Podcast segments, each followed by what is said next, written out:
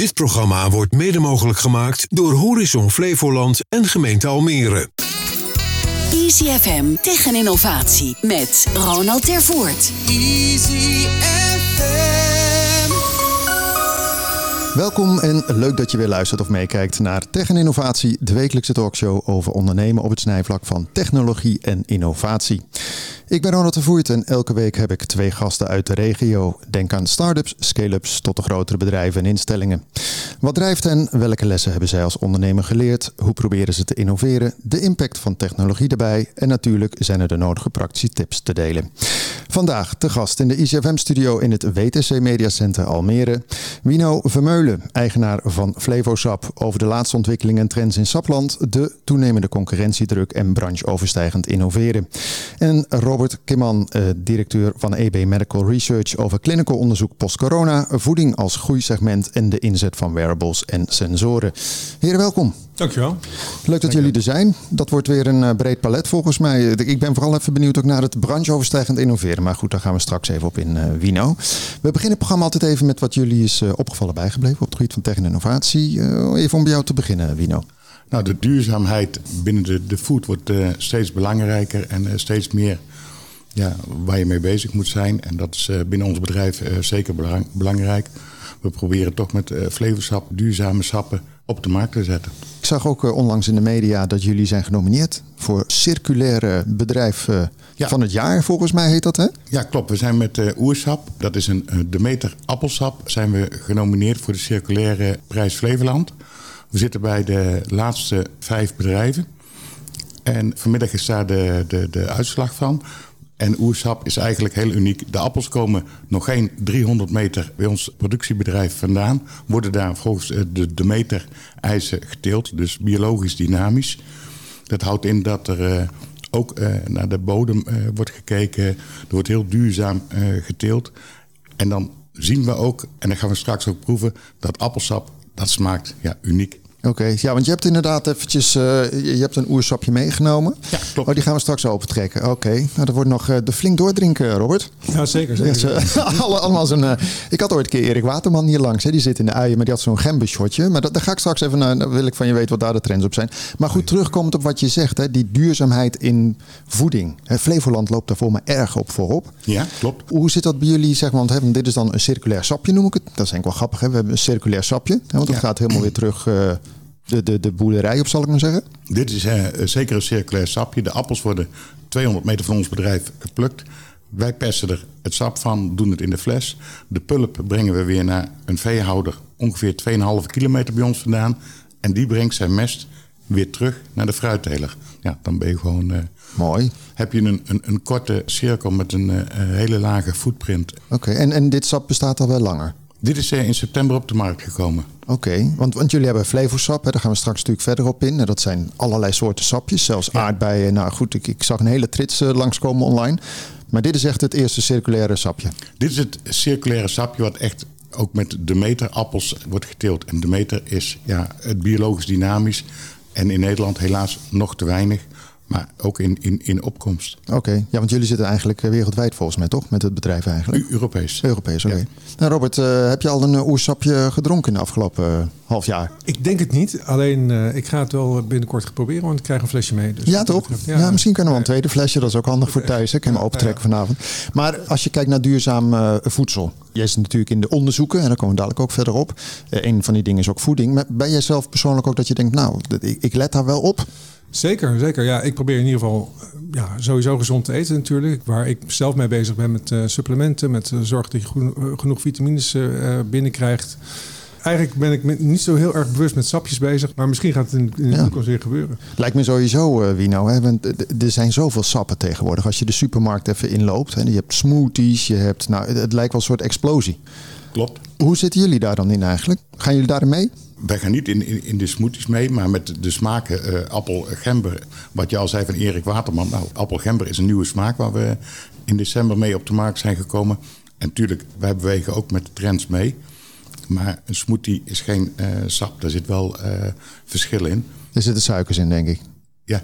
Oké, ja, dat is ook weer zo'n de- delicaat punt volgens mij. Jouw business suikers en niet en tax en dat soort dingen. wij hebben, Dat Doen we straks ook bij, ja. Ja, we hebben een natuurlijke suikers erin zitten en geen toegevoegde suikers. En dat is natuurlijk wel ja, het unieke van eh, sap.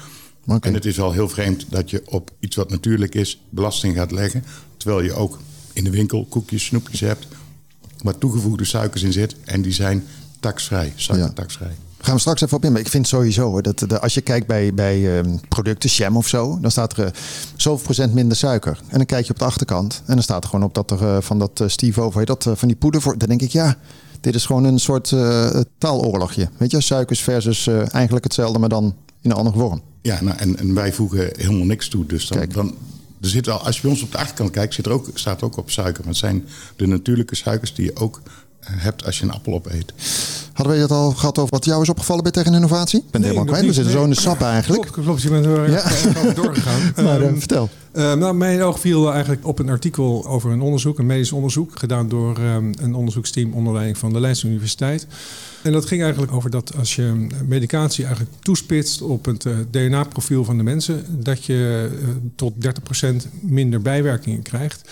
En dat is eigenlijk een soort van, ja, uh, min of meer toch wel een baanbrekend onderzoek. En uh, dat onderzoeksteam had ook een, uh, een pasje ontwikkeld waar je DNA-profiel eigenlijk op staat. Waardoor je eigenlijk direct ook de juiste en een goede medicatie kan krijgen.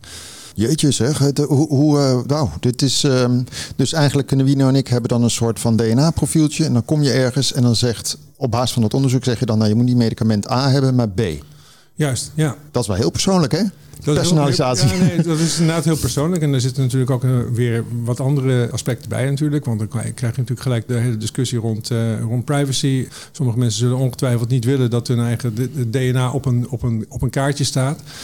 Maar ja, goed, aan de andere kant is het natuurlijk zo dat je, dat je daardoor gewoon veel beter en gerichter en sneller eigenlijk ook uh, de juiste medicatie kan toepassen. En ook uh, het juiste effect kan, uh, kan krijgen. Is het nog een soort van eerste onderzoek dat iedereen zegt van wauw, dit kan? Of, of, bestaat het al? Wordt het al gedaan? Nou, het wordt sowieso al gedaan in de zin van personalized medicine. Dat is, een, dat is eigenlijk een begrip binnen de medische, ja, zeg maar, toepassen van medicatie eigenlijk. En dat, dat zeg maar, het, het toedienen van medicatie op basis van je, van je DNA-structuur of, uh, of SNP, zoals ze dat noemen, kleine stukjes van je DNA.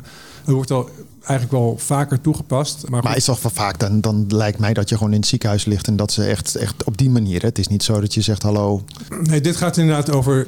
Het onderzoek waar ik het net over had, gaat daar inderdaad over dat iedereen een pasje heeft met een DNA-profiel erop. Waardoor je dus heel snel die goede medicatie zou kunnen krijgen. Mm-hmm. Wat je uh, soms wel eens hebt in, in onderzoeken of ook zeg maar, in echte toepassingen, is dat, je, dat er een beetje bloed of een beetje spe, speeksel wordt, uh, wordt afgenomen. En dat er op basis van het bloed of speeksel, wordt gekeken. Nou, wat, wat zijn er, welke bepaalde stukjes van DNA zijn zo typerend dat we bepaalde medicatie moeten toepassen? Ik vind het nog wat verder van, Wino. Ik vind het wel mooi hoor, maar het is ook weer heel erg next level.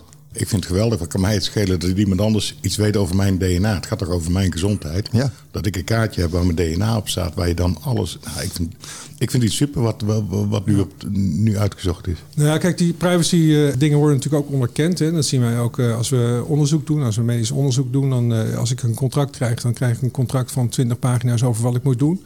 En vervolgens krijg ik nog een bijlage van 40 pagina's over, over dataprocessing en over, en over privacy, bij wijze van spreken. Met name met, uh, met Amerikaanse bedrijven natuurlijk.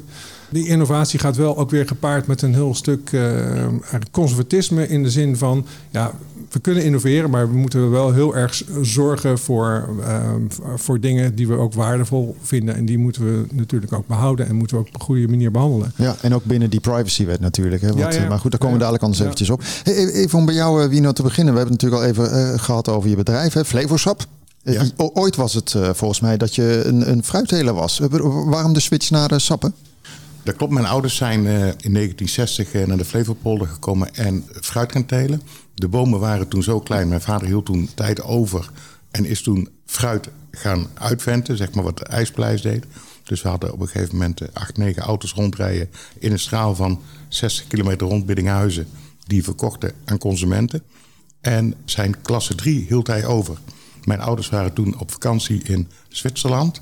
Dat, het- dat überhaupt, ik heb vroeger bij de appelboer gewerkt, maar die gingen nooit op vakantie. Maar jouw ouders gingen op vakantie. Die gingen in de zomer eh, naar Zwitserland op vakantie. En die kwamen met het troebele appelsap terug. En toen zijn we dat met een heel klein persje gaan maken. Eigenlijk met de gedachte van nou, als we dat zelf kunnen verkopen... dan kunnen we onze klasse 3, een te kleine, een te grote, een scheve appel... die kunnen wij ook verwaarden. Dus daar waren mijn ouders eigenlijk al, wat is het, 30 jaar geleden mee bezig... van het verwaarden van het ondereind. Waar je nu ook uh, in de circulaire landbouw heel veel over hoort. En wat heeft Zwitserland te maken dan? Wat, wat, bedoel, wat heeft Zwitserland wat we hier niet hebben dan? Wij maken nu volgens Zwitserse traditie het appelsap. In Zwitserland liepen ze daar al heel erg op vooruit. Daar was het troebele appelsap 30 jaar geleden al bekend. En dat had je in Nederland toen de tijd nog niet. En dat is een bepaalde manier van persen dan? Ja. Oké, want je hebt inderdaad hè, troebel en, en uh, doorzichtige appelsap, zal ik maar zeggen. En, uh, dan denken mensen vaak van ja, dat doorzichtige dat is veel beter. Maar dat is eigenlijk, haal je dan volgens mij, als ik het goed begrepen heb, dan haal je gewoon spullen eruit. Het doorzichtige, dan, dan filter je uit. Wat ook nog vaak is, wij hebben direct sap of NFC-sap, niet van concentraat. En de heldere sappen zijn vaak van concentraat. Dat houdt in, oh. om transportkosten te verminderen, dikken ze het in. Heb je heel veel energie voor nodig. Halen de aroma's eruit en die worden later wordt dat in een zakje met al dat concentraat 16 keer verdund met water in Nederland. En dan heb je helder appelsap. Nou, dan heb je aanlenglimonade, Robert. toch? toch, zo, toch? dat is het? Uh, klopt, het is een soort uh, aanlenglimonade. en bij ons, wij persen de appels, doen het gelijk in de fles. En dan, dan, dan heb je een direct sap. Gewoon grappig is dat inderdaad. Want bij, heel veel mensen denken vaak ook bij appels. Hè, dat heb ik bij de appelboer waar ik vroeger dan werkte. Hele grote appels, hè, die zijn eigenlijk minste waard. Want je hebt die, die, die, wat is het, 70 mm, I don't know. Maar die, die, die middencategorie, die zijn het meest waard. Ja. En dan laat je mensen plukken op een uh, boomgaard. Dat heb je nog wel eens tegenwoordig. Dat je dan mag plukken. En dan plukken al die mensen die grote. Dat is hartstikke goed. Dan betalen ze zich blauw voor. Toch? Ja, nee, klopt. Ja, ja, ja. ja. ja, dat vind ik wel leuk. 70 tot 80, dus de 7 tot 8 centimeter dikke appels. Dat zijn ja, de consument beste appels. Want dat is een appel die kun je in één keer uh, opeten. Maar goed, je ouders hadden zeg maar die boomgaard. Vervolgens ga je die sap doen. Maar volgens mij, wat ik zag, doe je nu alleen maar sap. Ja, klopt. Wij zijn ons steeds meer gaan richten op de sapproductie. Nou ja, om je focus een beetje op, op, op één ding binnen het bedrijf te houden. We hadden uh, op een gegeven moment die uh, detailhandel, die busjes. We hadden export, we hadden teelt, we hadden sap. Ja, Focus, hè? Focus. 24-7 uh, aan het werk. En toen hebben we gezegd, nou, we gaan ons focussen alleen op SAP. En dat is ook dermate groot geworden. Dat we zeggen, nou, dan moet je de andere dingen er niet bij willen doen. Ja, maar je zei het al even van, we zitten in Europa. Hoe, hoeveel landen, hoe, waar zit je dan? We zitten in Nederland, België, Duitsland, Engeland. En de Fransen niet? Die moeten er niks van hebben? Nee, de Frans op dit moment niet. Is misschien ook meer het probleem dat wij de Franse taal niet op kantoor oh. spreken. Oh, oh ja, dat is wel een logische verklaring. Hey, maar even dan, want we hadden het net even over uh, de gembershots van Erik ja. Water van een tijd geleden. Jullie doen ook echt een heel breed segment. Even eerst over die sappen. Uh, ananas zag ik, aardbei, uh, ja, wat niet? Wat niet, weet ik zo even snel niet. Maar, maar doen jullie testen dan of zo? Hebben we, ik, komen we even bij, bij Robert. Jij doet natuurlijk clinical, maar ook voeding. Maar ga je dat soort dingen zelf testen? Of klop je dan bij Robert aan en zeg je... wij willen wel eens weten hoe dit valt? Nee, in principe doen wij het testen uh, met een klein team. En wat belangrijk is, is als je appel aardbeiensap koopt... dat je de aardbei proeft. Want je koopt hem vanwege de aardbei en niet vanwege het appelsap. Nou, en, zo proberen wij dan de beste smaak boven te krijgen. Doe je nog meer met, met de appels? Want je zegt net eerder, hè, met, met je ouders gingen al en route. Het soort toch best wel innovatief. Kan je nog meer dingen mee maken wat jullie aan het doen zijn? Wij maken nu alleen de sappen en we proberen die, die duurzaamheid nog meer door het bedrijf heen. Uh, maar je kan toch ook, ik noem maar wat, je kan toch ook ijsjes maken of zo? Wij leveren wel sappen aan een ijsfabriek. En uh, die worden wel onder Flevosap ijsjes op de markt gezet. Maar het is een product dat wij ondersteunen, maar niet de verkoop uh, van doen. Oké. Okay. En, en wat doe je nog meer voor uh, dingen ermee? Want daar zou je vast een idee over hebben. Dus kijk, er nog meer dingen? Je kunt cider maken. Je kunt, Wie? Cider? Cider. Je kunt wijn maken. Ik was gistermiddag nog even bij een bierbrouwerij. Die gaat met Flevosap bier maken. Oh, nou, dus hadden we ook kunnen hebben, Robert. In plaats van oersap gewoon een biertje op de hoogte. Maar, goed. maar uh, oh, dat is best veel. Dus, dus jij kan aan heel veel derden, zal ik maar zeggen, ja, halffabrikaten aanleveren waar zij weer mee aan de slag kunnen. Ja, klopt. Wauw. En is dat ook al een beetje populair, dat ijs en zo? Dat wordt ook al een tijd verkocht. We zijn nu een jaar met het ijs bezig. En ja, dat loopt. Alleen dat is best moeilijk om daar een plekje te verwerven binnen het supermarktkanaal. En ja. de, maar dat, dat werkt. Maar zoals Hertog Jan, dat is natuurlijk een grote ijskoning, zal ik maar zeggen. Die, die heeft nog niet gezegd: kom op met die sap, uh, kunnen wij er wat mee? Nee, nog okay. niet. Misschien na deze uitzending. Ja, ja, ja precies. Dat hadden we ook lekker gevonden trouwens, ijs. Maar goed, als je kijkt even naar, naar jouw concurrentieveld. Hè, want jullie hebben die sappen, jullie doen dan nog dingen daarnaast. Er zijn heel veel partijen, wat ik net al aangaf. Hoe zorg je dat je dan blijft groeien? Is dat een natuurlijk proces omdat we in een duurzame leefomgeving zitten? Wij werken constant aan een constante smaak, een goede smaak. We proberen innovatief te zijn met smaken. En samen met onze klanten ja, steeds breder te, in, in, in het schap te staan. Oké, maar en, en je doet de hele distributie doe je ook zelf gewoon? Alle... Oké. Wij, wij, wij beleveren de, de distributiecentra's van, van de supermarktketens en dan uh, hebben we ook nog dat we winkels, de kaaswinkels, de groentezaken, die beleveren we of via groothandels of rechtstreeks. Oké, nice. Dan als we even kijken naar uh, al die appels, zal ik maar zeggen, even om daarop te focussen. Nou ja, aardbeien ook. Hoe, hoe kom jij daar dan aan? Want zijn dat allemaal afgekeurde, zijn dat uh, met plekjes en dutjes? Of? Het zijn de, de, de, te kleine, de scheve. De maar dan moet je er wel veel van hebben. Ik, ik, ik dacht altijd, die gaan naar de appelmoesfabriek, toch? Robert? Ja, precies. Nou ja, bedoel... dat, dat zijn collega's van ons op, op, op inkoopgebied. Maar waar haal je die vandaan dan? Ik bedoel, ananas groeit hier niet in de Flevopolder. Uh, de ananas komt uit Costa Rica. Natuurlijk. Ja. Dus Oké. Okay. Die wordt daar ook uh, tot sap uh, gemaakt. Maar ook weer, die halen we naar Nederland als een puur sap. Niet als een concentraat. Dus dan halen we het wel als een puur sap hierheen. We werken absoluut niet met concentraten. Maar dan, dan gaan we meteen even naar de CO2 footprint of whatever. De, helemaal uit Zuid-Amerika. Dat is best een rit. Ja, maar ze groeien nergens dichterbij. Nee, dat is ook zo. Ja. En, en, en de footprint, doordat we er daar al sap van maken, is wel een stuk kleiner dan dat we de ananas hierheen halen en hier het sap maken. Ja, nee, dat is ook weer waar. Maar want hoeveel procent van de appels uh, is überhaupt geschikt voor jouw uh, product? Als een teler het goed doet, heeft hij 90% klasse 1, 95% klasse 1. Dus 5% van zijn oogst is geschikt voor flevelsap. Ja, en als er een flinke hagelbui komt, dan krijg je weer meer. Ja, dan is het... dan zie jij te juichen op de bank misschien. Nou, hoeveel, dat niet. Nee, maar hoeveel sap maak je per jaar eigenlijk? We zitten uh, rond de 7 miljoen liter. Zo, nou, of je ook nog een paar miljoentjes uh, wil drinken. Maar, maar, jij zit, Robert, daar komen we straks natuurlijk verder op in. Maar jij zit ook onder andere in het voedingsstuk. Klopt, ja. ja. zijn er dan partijen, nou ja, Wino doet dan met eigen, eigen lab, zal ik maar zeggen, en mensen. Maar zijn er dan echt voedingsbedrijven die bij jou aankloppen en zeggen, we hebben iets nieuws? Of is het dan nog echt ook weer medisch-achtig dat ze willen ja. weten hoe iets werkt? Wat bij ons komt is inderdaad medisch. Het is, uh, zijn zeg maar voedingsproducten met een medische claim. Dus wij doen bijvoorbeeld nu uh, uh, twee trials met, met probiotica. En dan is eigenlijk de veronderstelling dat deze vorm van probiotica ook de immuniteit verhoogt. nou, en dan. Oké, okay, dus een soort van Yakult ja. of zo, of in ieder geval dat soort, nou, dat, dat soort dingetjes. dat soort bedrijven zou het kunnen zijn. Ja, het kunnen ook vitamines zijn. Het kan ook zijn dat er zetmeelproducten zijn die bijvoorbeeld zeg maar, glucosewaarde uh, hoger maakt voor mensen die daar problemen mee hebben. Het zijn dieetproducten. Dus het zijn, het zijn additieven, dus, uh, dus uh, toevoeging, uh, zeg maar, spullen die stoffen die aan, aan, aan, ja. voedingsmiddelen worden toegevoegd. en supplementen, dus dat wat mensen bijvoorbeeld zelf, zelf bijnemen. Oké. Okay.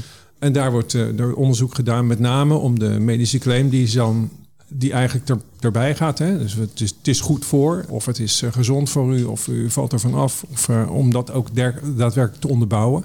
Is dat verplicht in Nederland eigenlijk? Nou, het, is, uh, het, is, het ligt een beetje aan wat voor claim je legt. Maar het is in principe het is, het is wel goed om te doen. En je ziet ook dat zeg maar, de, de, wat grotere voedingsmiddelenproducenten die we allemaal kennen, die, waarvan ik de naam even niet zal noemen, maar dat die inderdaad um, dat doen. Met name ook om het product uh, breder geaccepteerd te krijgen. Ook in de, in, zeg maar in de wetenschappelijke en in de, in de sector. Ook door de, de zogenaamde key opinion leaders. Die dan ja. inderdaad ook zeggen van ja, nee, maar dat is inderdaad wel een, een claim die ze mogen leggen. Want het, er is fatsoenlijk medisch onderzoek naar gedaan. Oké, okay, ja, ik kwam laatst keer iemand tegen ook in de supermarkt. En die was uh, van zo'n programma Kassa. Die zat alle dingen te bestuderen. En zei: Kijk hier, want ik kwam met hem in gesprek. Toen zei Ja, kijk, hier staat een aardbei op. En, en nog iets. Maar dat zit eigenlijk helemaal niet in. Toen dacht ik, oh ja, daar begint het ook al natuurlijk hè, in het vak. Ja, de vitamine D, of dan heb je van die mensen uh, gezonde koekjes. Ja, ik, ik, ja, dat vind ik heel apart. Maar in ieder geval dat stuk, dat is wat jij ook echt onderzoekt. Nou, in ja, dat zijn uh, gezonde koekjes. Uh, zal het misschien niet zo zijn, maar inderdaad, als je bijvoorbeeld probiotica hebt, bijvoorbeeld in met een claim dat het ergens voor, voor goed, goed geschikt is, mm -hmm. dan ligt er vaak een clinical trial onder. En dat zijn dan, ja, dat zijn op zich natuurlijk voor die, voor die ondernemingen zijn dat toch wel tamelijk dure uh, aangelegenheden. En uh, het, het, vertraagt natuurlijk ook, want een goede clinical trial, ja, je moet eerst... Uh, Eerst je hele boekwerk doorlezen, ja, heb je me net verteld. Nou ja, je moet sowieso eerst een heel protocol schrijven. Natuurlijk, de protocol moet, uh, moet goedgekeurd worden door, uh, door de medisch-ethische toetsingscommissie. Vervolgens moeten ze natuurlijk sites eh, zoeken die, eh, die dat eventueel uit zouden kunnen voeren. En sites zijn bedrijven zoals uh, ja, waar ja, jij ook mee wij, wij voeren inderdaad dat, uh, dat onderzoek dan uit. Wij gaan kijken dan of we dat protocol kunnen doen, of we daar deelnemers voor kunnen vinden. Soms zijn het gezonde deelnemers en soms zijn het deelnemers die een bepaalde aandoening hebben. Oh ja, dan moet je ook natuurlijk, natuurlijk, kijken. Ja, ook ja, weer, uh, gaan we zo even nog verder. En nog even bij jou, Wino, want we hadden het net even over de suikertax. Ja. En ik zag ook op, op jullie website stond ook een petitie die je moest tekenen. En dan zeg jij inderdaad, we hebben natuurlijke suikers en geen niet natuurlijke suikers. Toegevoegde suikers. Toegevoegde suikers, dank u. Maar er komt een suikertax. Val jij daar dan serieus binnen? Ja. Want suiker is suiker, zeggen ze dan waarschijnlijk. Su suiker is suiker. Dus daar vallen we binnen. Alleen zeggen wij, ja, wij doen niks anders dan een appel persen. Maar is dat zo? Ik kijk even naar Robert. Hè. Is suiker, hoe, hoe, hoe, hoe zie jij dat? Is dat zo? Ja, geen idee. Ik, ik zeg niet dat jij heb, dat eh, moet... Uh... Ik weet het niet. Ik weet het niet. Zeker onze arts weet er meer van dan ik. Nee, maar suikers is Uh, suikers. maar- Ja, ik denk ook altijd uh, gewoon natuurlijke suikers. Ja, je moet ook niet te veel van nemen. Maar dat geldt met alle dingen. Ik noem maar wat. Hè. Dat, is met alles. Als, Ja. je, als je vijf appels op eet, ja, dat is ook niet gezond. nee, maar appelsap is trouwens ook niet goed voor je tanden als je te veel drinkt. Dus je kunt maar beter iets minder doen. Toch? Ja, maar gewoon een, een, een glaasje is, Een glaasje is prima. is niks mis mee. Nee. En, en, en daar gaan we dan een tax op zetten. Terwijl we in de winkels schappen vol hebben met koekjes, snoepjes, waar we niks op doen. Ik denk dat dat slechter is voor, voor de hele jeugd dan een, een glaasje vruchtensap. Je zou eigenlijk voor de grap, hè, als je een supermarkt hebt, zou je eigenlijk moeten kijken naar alle producten die een claim kunnen waarmaken. Zoals jij vertelt, Robert. En dan pakken we even de, de, de, de natuurlijke producten zoals jij. Dan denk ik dat we schrikken hoeveel je nog overhoudt in de winkel. Dat denk ik ook. Dat denk ik ook. En, en, en de gezondheidsclaims, dat is ook iets waar wij juist wegblijven. Omdat ja, het zo moeilijk aantoonbaar is. En Oké. is het Nou ja. gezond? Maar ja, wij pesten niks anders dan, dan, dan een appel. Ja, wat natuurlijk ook is dat je, kijk, als, als, als kleinere ondernemer kan je eigenlijk zo'n gezondheidsclaim ook nauwelijks onderbouwen. Want de klanten die wij hebben, dat zijn zeg maar de Danone's, Friesel, Campina. En dat, dat eh, eh, is ook geen goedkoop onderzoek. Nee, dat zijn, eh, dat zijn natuurlijk onderzoeken die, eh, nou ja, een beetje clinical trial kost al gauw ja, een halve ton, een ton. Ehm, Ja, een, ton, ja. een, een ton heeft hij nog wel, maar die is van hout. Ja. Ja, precies, precies. En nog- nog even, eh, maar goed, die suikertax, wanneer gaat die komen dan? Ze, eh, de bedoeling is eh, nu per 1 januari. Dus 24. Ja, 24. We hebben nu al een verbruiksbelasting die erop ligt. Op iedere liter appelsap. Maar ze willen naar de suikertax toe. Ja, en die, die, die, die is gewoon abnormaal hoog. Dat is gewoon, Maar hoe, wa- wa- wa- wat is dan het eh, percentage wat je moet betalen? Eh, nee, het is gewoon een vast bedrag per liter. Ja, oké, maar hoeveel, wat, eh, wat komt erbij op dan? En eh, er komt nu 18 cent bij op.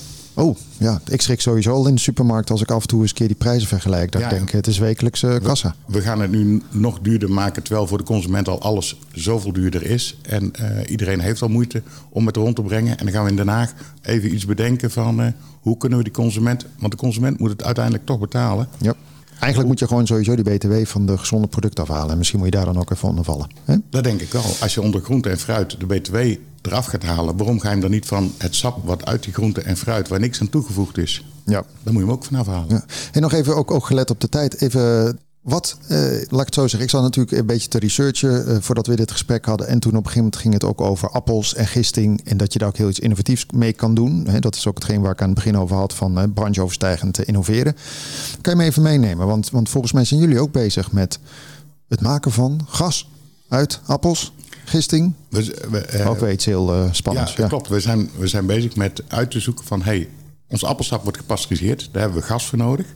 Kunnen we nu uit die pulp die uit het appelsap komt... kunnen we die vergisten. Dan houden we dus gas over en een reststof. En die reststof zou weer als mest naar de bomen kunnen. En het gas kunnen wij dan de stoomketel mee eh, verwarmen. Dus jij bent eh, de oplossing voor eh, minder Russisch gas, eh, meer appelgas. Ja, zoiets. Dat is toch ook apart, Robert? Ja, Ja, ik zie jou nadenken. Als je het op een beetje grote schaal kan toepassen, dan is het, eh, is het natuurlijk wel- Ja, hoe, hoe, hoe schaalbaar is zoiets inderdaad? Want het is natuurlijk mooi als het kan in een labsetting of in een kleine setting. Maar is dat serie, eh, eh, kan je dat serieus nemen naar de toekomst toe dat het ook schaalbaar is? Of is het alleen maar voor jullie thuis?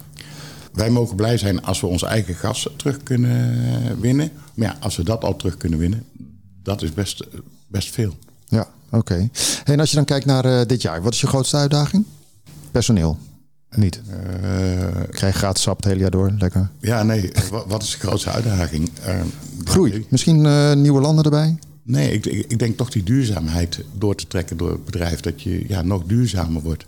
Oké. denk, Groei, is, eh, ja, groei moet natuurlijk zijn. Die, die, die, die, dat daar, moet, daar moet je niet te veel uitdaging van maken. Want dan, ben je gefocust op groei. En dan vergeet je eigenlijk je duurzaamheid en je MVO binnen je bedrijf. Ja, het is eigenlijk alles bij jullie is natuurlijk, zullen we zeggen. Dus hoeveel mensen heb je eigenlijk in? 35. Zo.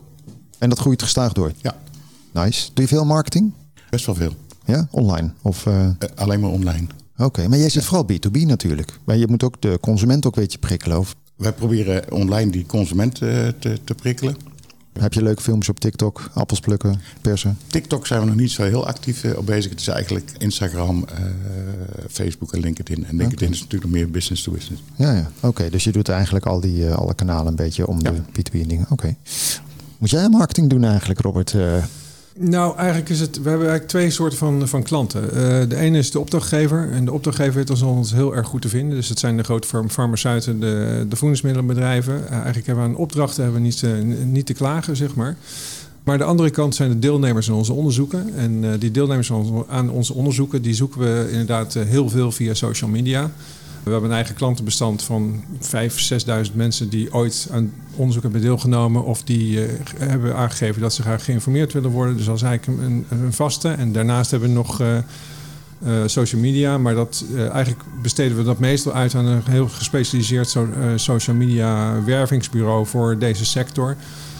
Oké. En, ja, en dat zijn eigenlijk, dat is eigenlijk, de meeste mensen zitten, worden nog geworven via Facebook eigenlijk. Uh, dat, dat is eigenlijk nog het grootste kanaal waar, waar mensen op binnenkomen. Oh, dat is wel grappig inderdaad. Dat, ja. Eh, het schijnt sowieso. Hè? Facebook is, kan je heel mooi targeten, maar dat is inderdaad een goede lead generator, zal ik maar zeggen. Voor, uh, ja, ja, ja, ja, want er wordt wel eens gezegd dat Facebook weg is. Hè? Dat, uh, dat, dat Instagram en, en TikTok het hebben overgenomen. Maar in onze sector is het nog wel zeker zo dat de meeste mensen via Facebook binnenkomen. Nou, hoor je dat dus, wie nou? Mocht je nog niet genoeg aan de knop draaien van Facebook.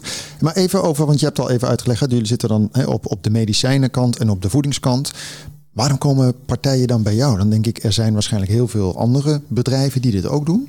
Waarom, waarom nee, kiezen ja, jullie? Nee, dat is, het probleem is eigenlijk dat, het, eh, dat er niet zo heel veel bedrijven zijn uh, uh, in Nederland zoals wij. Wij hebben sowieso uh, meer dan twintig jaar ervaring in het vak. Dus, dus daardoor heb je natuurlijk ook een gevestigde naam. En eigenlijk zijn er heel weinig zelfstandige uh, sites voor clinical trials. Uh, het meeste onderzoek wordt gedaan door of ziekenhuizen. Maar die ja. mogen waarschijnlijk maar een beperkt uh, hoeveelheid doen in tijd of in, nou, in reach? Het probleem is natuurlijk dat de ziekenhuizen, sommige zijn echt wel gespecialiseerd in, in, in, in onderzoek. Maar de meeste ziekenhuizen zijn natuurlijk ook gewoon ja, met name behandelaars. En hebben, hebben het ontzettend druk met, uh, met patiënten behandelen. En zijn niet altijd voor alle onderzoeken, uh, ja, zijn er niet altijd in geïnteresseerd om die onderzoeken te doen. Maar als je even kijkt naar medicijnen, hè, ik, ik, je hebt volgens mij heb je iets van vijf fases of zo hè, qua medicijnen. Ja, vier, ja, of vier. Ja, nee, dat hebben we natuurlijk tijdens coronatijd gehoord en dat is allemaal versneld gegaan. En welke fase doen jullie dan? Is dat zeg maar de eerste trials of is dat? Uh, nou, kan nee, we, uh, over het algemeen doen wij de, de fase 3 trials. En dat is eigenlijk, uh, kijk, in fase 1 doe je eigenlijk het, het eerste toepassen van het medicijn op mensen. En de typische fase 1 sites, fase 1 uh, onderzoekssites, die zijn eigenlijk ook heel erg uh, dicht bij ziekenhuizen. Of het zijn ziekenhuizen zelf, of het zijn onderzoekscentra die heel erg dicht bij ziekenhuizen. Eigenlijk moeten ze zo een bed gewoon het ziekenhuis in kunnen rijden om, als er wat gebeurt, dat ze dan gelijk het ziekenhuis bij de hand hebben. Dus dat is de eerste fase. Ook die fase gaat trouwens wel heel erg uh, gecontroleerd. Hè. Eerst ga je met hele lage doseringen ga je, ga je kijken wat het op het lichaam doet. En vervolgens wordt de dosering iets opgehoogd en wordt er gekeken. Dus het zijn stap voor stap wordt die dosering een beetje aangepast. Dan heb je de fase 2 uh, trials. Dan gaan ze kijken naar de effectiviteit. Hè. Dus dan nemen ze inderdaad ook mensen die een bepaalde indicatie hebben. En kijken ze naar de effectiviteit van het product. En daar wordt ook gekeken naar de dosering. Wat zou de juiste dosering kunnen zijn om medicijn uh, toepasbaar te maken. Nou, als die fase doorlopen is, dan ga je naar fase 3. En fase 3 ga je eigenlijk op grotere aantallen mensen. Dus uh, het kunnen soms nou, duizend mensen zijn, kunnen soms 5000 mensen zijn. Ga je die uh, medicatie toepassen en dan wil je eigenlijk uh, dik en dun en, en zwart en wit en, en, en eigenlijk alles, alle soorten mensen hebben die, die maar in het, mm-hmm. die het eventueel zouden kunnen gaan gebruiken. Die wil je dan inderdaad ook in het onderzoek hebben. Ja, en wat doe je in vier dan nog? Vier, dat is, uh, de drie is marktregistratie. En uh, vier uh, wordt volgens mij niet altijd gedaan, maar dan ga je dus ook mensen volgen die het product ook gebruiken. En dan ga je kijken, daar wordt er nog eens een keer worden daar nog data van verzameld over bijwerkingen en over. Okay. ja. Zou jij dat, heb jij dat wel eens gedaan? Meegedaan met een onderzoek à la wat Robert beschrijft? Zou je dat doen? Ik, ook, ik zou het best doen, maar Krijgt toch geld voor volgens mij, toch Robert? Zeker, ja, ja, ja. De meeste onderzoeken worden wel, eh, daar krijg je een vergoeding voor. Maar is Eh, dat, wat is dat? Is dat eh reiskosten nou, of is het wel meer dan dat? Nou, het is iets meer de reiskosten. Kijk, het, eigenlijk het gaat om een, de opgeofferde tijd en de moeite eigenlijk. Maar waar heb je het dan over? Is dat eh 100 euro Nou, het, oh, nou, het ligt een beetje aan hoe vaak je moet terugkomen, uiteraard. Maar, Maar het kan, eh, voor fase 1 onderzoeken kan het wel een aantal duizenden zijn. Dus dan gaat Ja, maar dan ben je ook echt... eh, ben je ja. echt wel een paar weken ben je intern. Eh, onderzoeken die wij doen is het meestal, nou ja, zeg maar 500 euro, 700 euro, soms 1250 euro. Oh, nou. zoiets in die, in die trant. Ja, maar een sapje in je, in je hand eh, kan je meteen even eh, ook eh, je eigen test doen bij andere Ja. proefpersonen. nou, moet je het wel aanvragen. Maar, maar eh, zijn dat dan vooral studenten of zijn het gewoon eh, ook een Nou, hele brede schakering? Een hele brede schakering. Het, het hangt natuurlijk ook van wat voor mensen we zoeken. Want vaak is het natuurlijk wel zo. We hebben momenteel een eh, trial lopen voor mensen van, van ouder dan 65. eh, met een koelmelk eiwitproduct. Nou ja, goed, dat zijn dan, dan zoek je inderdaad ook echt mensen van 65 plus. Maar soms hebben we inderdaad, soms zoeken we kinderen. Dus dat is net eigenlijk afhankelijk van het protocol en van het product wat we, wat we, wat we zoeken. Maar het zijn over het algemeen wel mensen die, die tijd hebben om inderdaad ook ja, naar ons toe te kunnen komen. Ja, Want wij ik- doen in principe het werk op kantoortijden, soms een keer op zondag, maar, maar op zich is, eh, doen we het op, eh, op kantoortijden. En, en, en, voordat ik even dadelijk de stap ga maken ook naar hè, coronatijd en digital. Maar wat is een beetje bij jou de verhouding tussen dan het onderzoek medicijn gericht dan wel voedinggericht? Wat is dan... eh, Nou, de laatste tijd doen we eigenlijk eh eh, medicijnstudies die eigenlijk doorlopen, waarbij je gewoon een aantal mensen in de studie hebt en die, die en dat loopt maar- ook vaak heel lang. En dat lopen soms twee jaar of een Oh, jaar. ja. Dus, dat, en die voedingsmiddelen trials die zijn vaak korter. Eh, Waar heb je het dan over? Maanden? Nou ja, soms maar twee of drie visites in een periode van een maand bijvoorbeeld. En die zijn met dan qua aantallen deelnemers, ja, loopt één trial vaak op 100 deelnemers bij ons. Dus, eh, dus eigenlijk eh, qua deelnemers doen we veel meer met, eh, met, met die voedingsmiddelen en met, ja, ook met probio- probiotica, vitamines. Die zet ik dan even onder de Ja. voedingsmiddelen. En het is natuurlijk denk ik ook een groeisegment. Hè, wat Wiener al zegt qua duurzaamheid, qua voeding. We gaan natuurlijk steeds meer naar een wereld waarbij dat belangrijker wordt. Ja, waar, waar, ehm, waar dat belangrijker wordt, waar, eh, waar ehm, sowieso zeg maar, de gezondheid, eh, al niet gezondheid van een product belangrijker wordt. En waar het ook belangrijker wordt om de claim die je hebt ook te onderbouwen. Want kijk, er zijn natuurlijk een heleboel ja, meningen en dingen die, die overal eh, eh, worden rond. Gebazuind. gebazuind. Maar ja, uiteindelijk wil- je, wil je ook iets onderbouwen. Hè? eh, als je een, eh, ja, toch Ja. een, eh, Maar, maar, maar, maar jij doet dit in, doe jij dit dan voor Nederland? Want ik kan me ook voorstellen dat een grote voedingsfabrikant, die kan ook kiezen voor een bedrijf in Engeland. Uit- ja, Is dat uiteraard. meteen wereldwijd eh, zeg maar dekkend wat je doet? Of, of is dat dan Ehm, territoriaal? Eh, over het algemeen Europees, hè? maar wij hebben inderdaad, wij doen ook zelf onderzoeken voor een, nu voor een Noors bedrijf, ook voor een Frans bedrijf. Maar andersom zullen, zullen Nederlandse bedrijven het ook in het buitenland kunnen Nee, oké, maar dat Ja. dekt wel buiten de landsgrenzen. Dus Ja, het is niet, ja, ja, ja. Hey, maar, want dan eventjes richting, want ik zei net al even corona en zo. Ik, ik, ik bedoel, ik, jullie proefpersonen, om het zo maar even te noemen, of de mensen die aan meewerken, die komen ergens naartoe. Hoe heb je dat gedaan in coronatijd? Dan, dan ga je toch, denk ik, op afstand dingen moeten doen? Mm, nou ja, nee, we hebben met name in coronatijd hebben we het. ehm, toen hadden we geen hele grote trials lopen met honderden mensen tegelijkertijd. Dus toen hebben we eigenlijk die medicijnstudies hebben we gewoon doorgezet eigenlijk. Eh, dat mocht ook omdat het toch een essentiële eh, sector is. Hè. Je wil gewoon doorgaan met, met het ontwikkelen van medicijnen. En gewoon sterker volgens protocol gewerkt. Dus, eh, en zorgen dat je kwetsbare groepen ja, eh, extra aandacht daarin krijgen. Hadden bijvoorbeeld een Alzheimer-onderzoek lopen. Nou, dat zijn oudere mensen. Maar ga je dan via de, kan je dan dingen doen? Ik riep aan het begin eh, de, de wearables en sensoren. Is dat dan waar je de stap naartoe hebt gemaakt? Nou, oké, dat is een ontwikkeling. Hè? Dat, is een, dat is een ontwikkeling die zeker plaatsvindt. Alleen die kun je niet, zeg maar, gaandeweg het onderzoek zo even inbouwen. Want het, het onderzoek moet volgens protocol moet het, moet het worden uitgevoerd.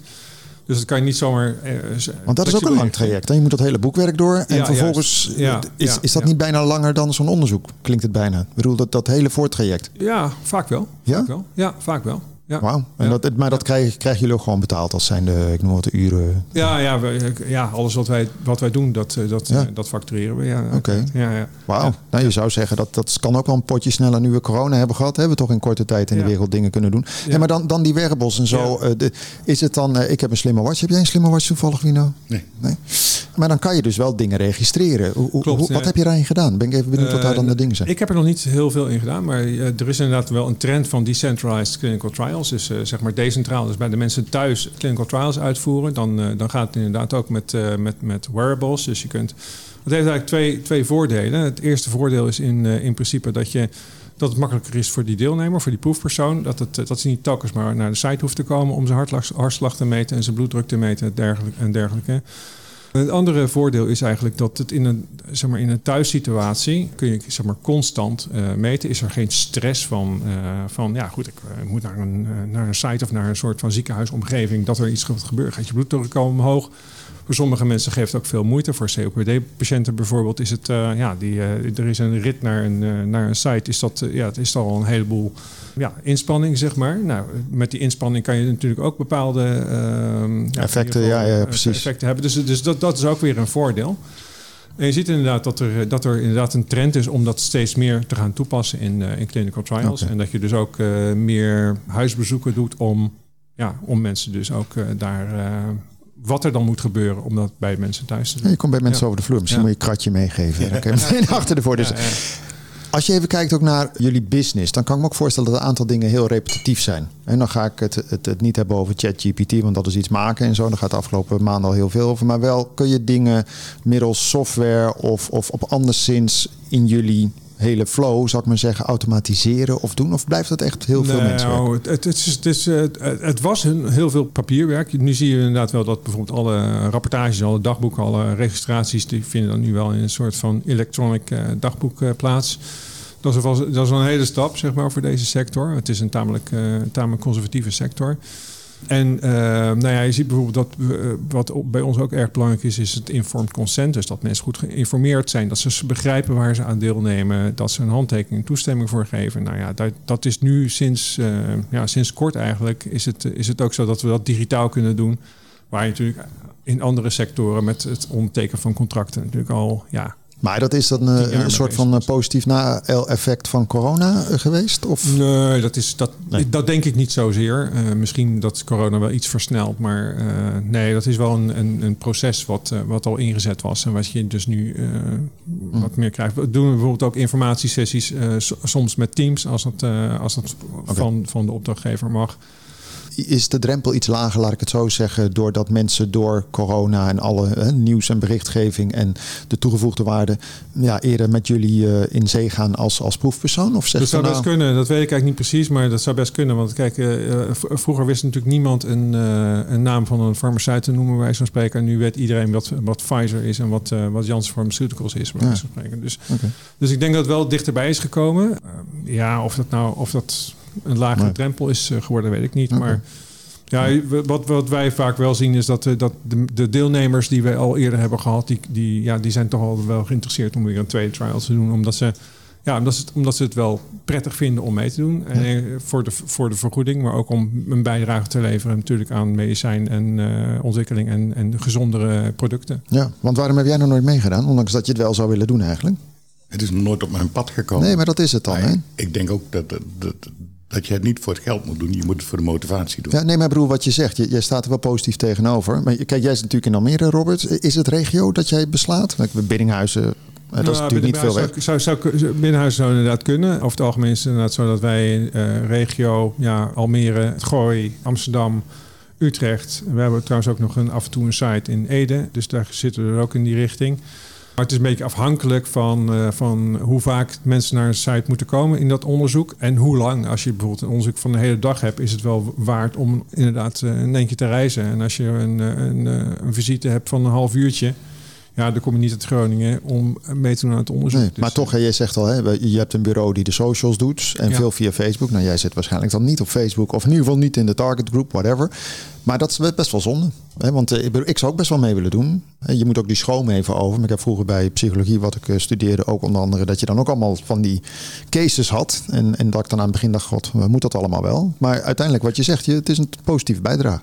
Klopt. En, uh, maar ik, ik snap ook wel dat je richting Utrecht, Amsterdam gaat tijdens de, de dichtheid natuurlijk veel groter dan Biddinghuizen. Ja, bij jou zit het allemaal in de gezonde sappen, joh. Dat, ja. is, goed voor, dat is goed voor Robert. Ja, nou ja, wat, wat er nu ook komt, uh, bijvoorbeeld is dat er, wij werken ook samen met een, met een bedrijf, een Amerikaans bedrijf, dat, uh, dat naar, naar de patiënt toe komt. Dus eigenlijk meer in een soort van bus, zeg maar, in de medische bus, dan dat ze daar hun clinical trials in doen.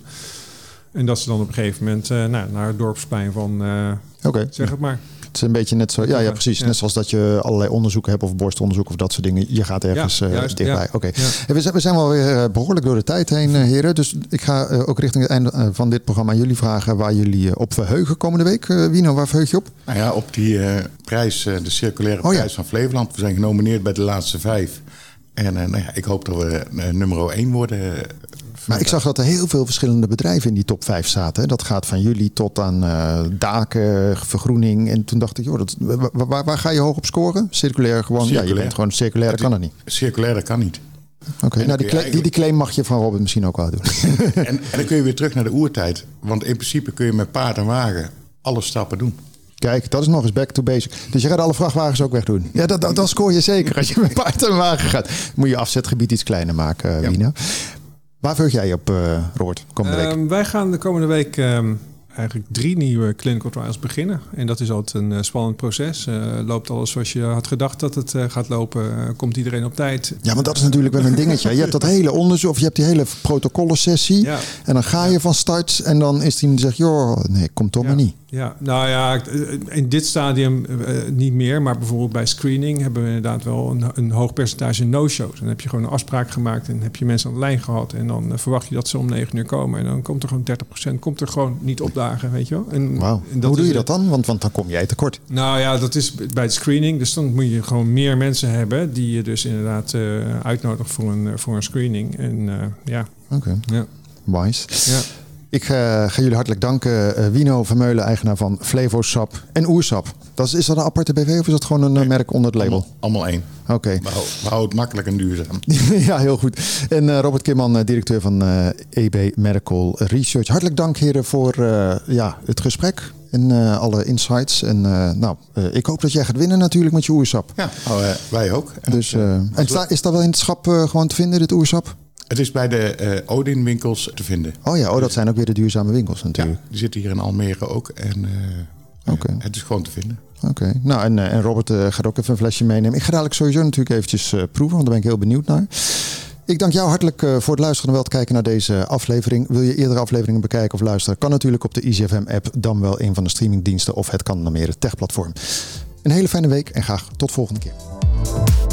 Dit programma werd mede mogelijk gemaakt door Horizon Flevoland en gemeente Almere.